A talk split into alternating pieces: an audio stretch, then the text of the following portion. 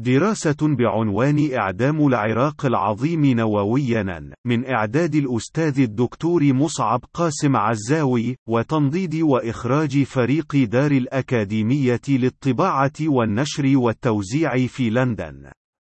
قلما تجد في تلافيف الإعلام العربي أو العالمي المتسيد أي دراسة تتناول التأثير على المستوى الخلوي في جسم الإنسان جراء ما تعرض له العراقيون من مئات آلاف أطنان اليورانيوم المنضب الذي ألقي على العراق في حربي الخليج الأولى والثانية، وهو ما كان سكبه في أرض العراق الجريح الخيار الأجدى اقتصاديا للحكومة الأمريكية. الأمريكية بدل أن تتكلف باهظا لدفن نفاياتها النووية في أراضيها وهو ما يتطلب إجراءات أمان وسلامة مكلفة ماديا وتقنيا.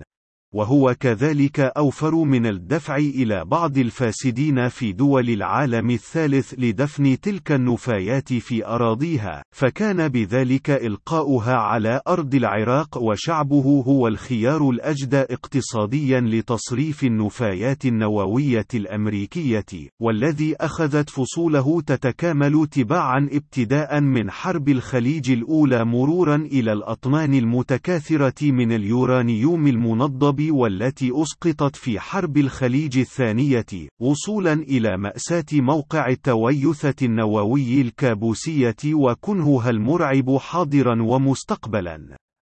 إن الصمت العالمي غير المسبوق على مثل تلك الكارثة الإنسانية والبيئية في العراق، والتي لم تنل إلا أجزاء مجهرية من الاهتمام الذي لا تزال تلاقيه الآثار الكارثية للقنبلتين النوويتين الأمريكيتين على هيروشيما وناغازاكي حين كانت الحرب العالمية الثانية تضع آخر أوزارها، هو نتيجة مباشرة للتعتيم الإعلامي الإعلامي القسري الذي تمارسه الإدارة الأمريكية على الوسائل الإعلامية والذي ظهر بجلاء منقطع النظير خلال فترة الحرب البائسة لاحتلال العراق، وما تلاها من تهشيم للبنى التحتية والحضارية في العراق العظيم،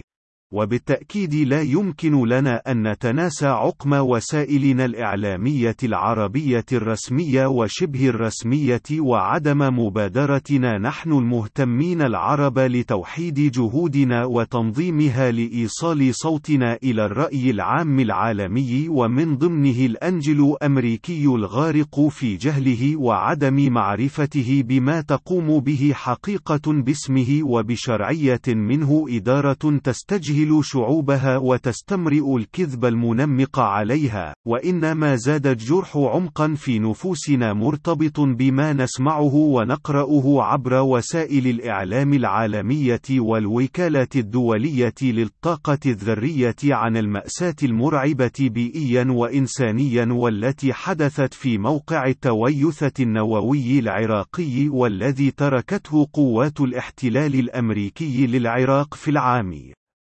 2003 والمواقع النووية الستة الأخرى العراقية وما يقارب من 500 طن من اليورانيوم الطبيعي والفاعل شعاعيا وكميات هائلة من اليورانيوم المستنفد في تلك المواقع عرضة لدخول الناس البسطاء الذين أخذوا تلك البراميل الحاوية على تلك المواد الإشعاعية بعد إفراغها منها لاستخدامها في أغراضهم المنزلية. العسكرية تحت نظر ومرأى الجنود الأمريكان الذين لم يحركوا سكنا لمنع تلك الكارثة ووفقا لسلطات قوات الاحتلال الأمريكي فإنها سمحت للخبراء الدوليين بالقدوم لتقييم مدى الضياع في المواد النووية العراقية ودون السماح لهم بأي تقييم لمدى التلوث البيئي وأعراض الأمراض الناجمة عن التعرض المرعب للإشعاع عند أولئك القاطنين في المناطق المجاورة حيث سكبت المواد النووية، وبشرط أن يكون تحرك الخبراء الدوليين تحت رقابة مباشرة وبعد سماح سلطات الاحتلال الأمريكي بذلك، وإن السؤال الذي يطرح نفسه وبشكل سافر وأمام أقل العقول قدرة على التحليل والتبصر، هو السؤال الموجه للإدارة الأمريكية، والتي كانت تخشى من وصول تلك المواد المشعة لأيدي من تسميهم الإرهابيين، والذين يسعون للحصول على هذه المواد المشعة لأجل صناعة القنبلة القذرة، كما يسميها الأمريكان والتي لا تعتمد على الأثر التدميري الانفجاري للقنبلة وإنما على نشر المادة المشعة بطرق تفجيرية بسيطة وتقليدية وبحيث يكون التلوث الإشعاعي عند المتعرضين له هو الأثر التدميري لهذه القنبلة. فإذا كانت الحالة كذلك فلماذا تركت تلك المواقع عرضة للنهب والسلب العشوائي والمنظم دون أي تأمين أو حماية لها؟ فهل السلطات الأمريكية مطمئنة وغير قلقة من أولئك الإرهابيين؟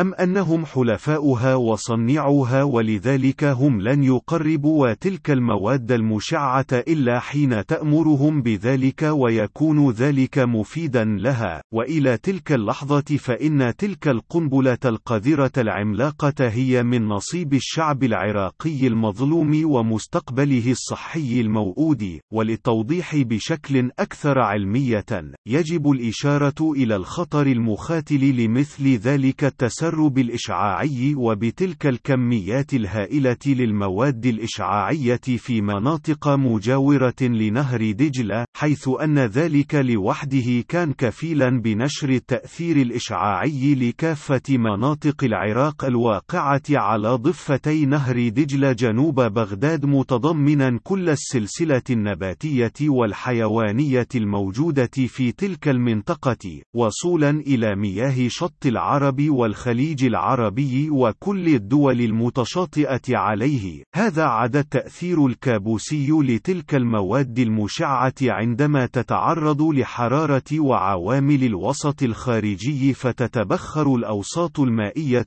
التي تحتوي المواد المشعة وبحيث تعود تلك المواد إلى أصلها كأملاح صلبة هشة يمكن أن تطير وبسهولة متناهية عبر العواصف الغبارية المعهودة المعهودة في وادي الرافدين وبادية الشام المعروفة بالعجاج، لتصير عواصف قاتلة من أرض جهنم تنال من كل أرض العراق شمالها وجنوبها، بكل طوائفه وإثنياته، وكل الدول المجاورة والواقعة على خط فعالية الرياح في بادية الشام وصحراء الرافدين، والتي لا يمكن التكهن بالتأثير الكارثي الذي يمكن أن ينجم يحكم عنها على الإنسان والزرع والضرع، إن قتامة المشهد المأساوي الذي نحن صميمه ينسحب على كل العلماء الأمريكيين الذين يرفضون الإجرام باسم الشعب الأمريكي، ابتداء من البروفيسور دراكوفيتش مكتشف مرض حرب الخليج الذي فصل من عمله في وحدة العلاج الذري في مستشفى المحاربين القدماء في البنتاغون الأمريكي والذي يعيش يعيش منفيا الآن في كندا، ومهددا في حياته إن استمر بالحديث عن الكوارث التي يحدثها اليورانيوم المنضب على صحة الجنود الأمريكان وعلى من يتعرض له خلال قيامه بتحميل قذائف اليورانيوم المنضب قبل إلقائها على أرض العراق الجريح.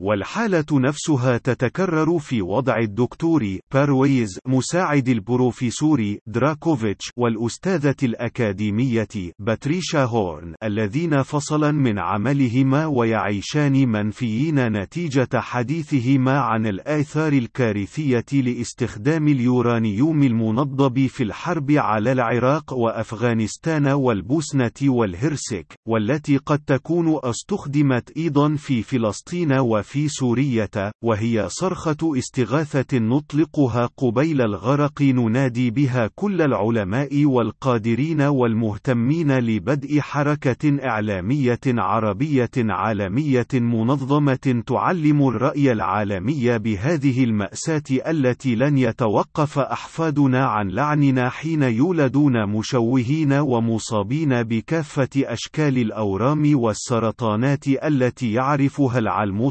الطبي حاليا، أو التي لم يكتشفها الأطباء لحد الآن، ولكن سوف تعرف لاحقا حينما تظهر عليهم وهم يحملون خبث أورامهم شارات تلعن كل الذين صمتوا وحين كانوا قادرين على الفعل والكلام وتركوا سيف الإعدام النووي السرمدي ليسبق العذل وحيوات أجيالنا القادمة.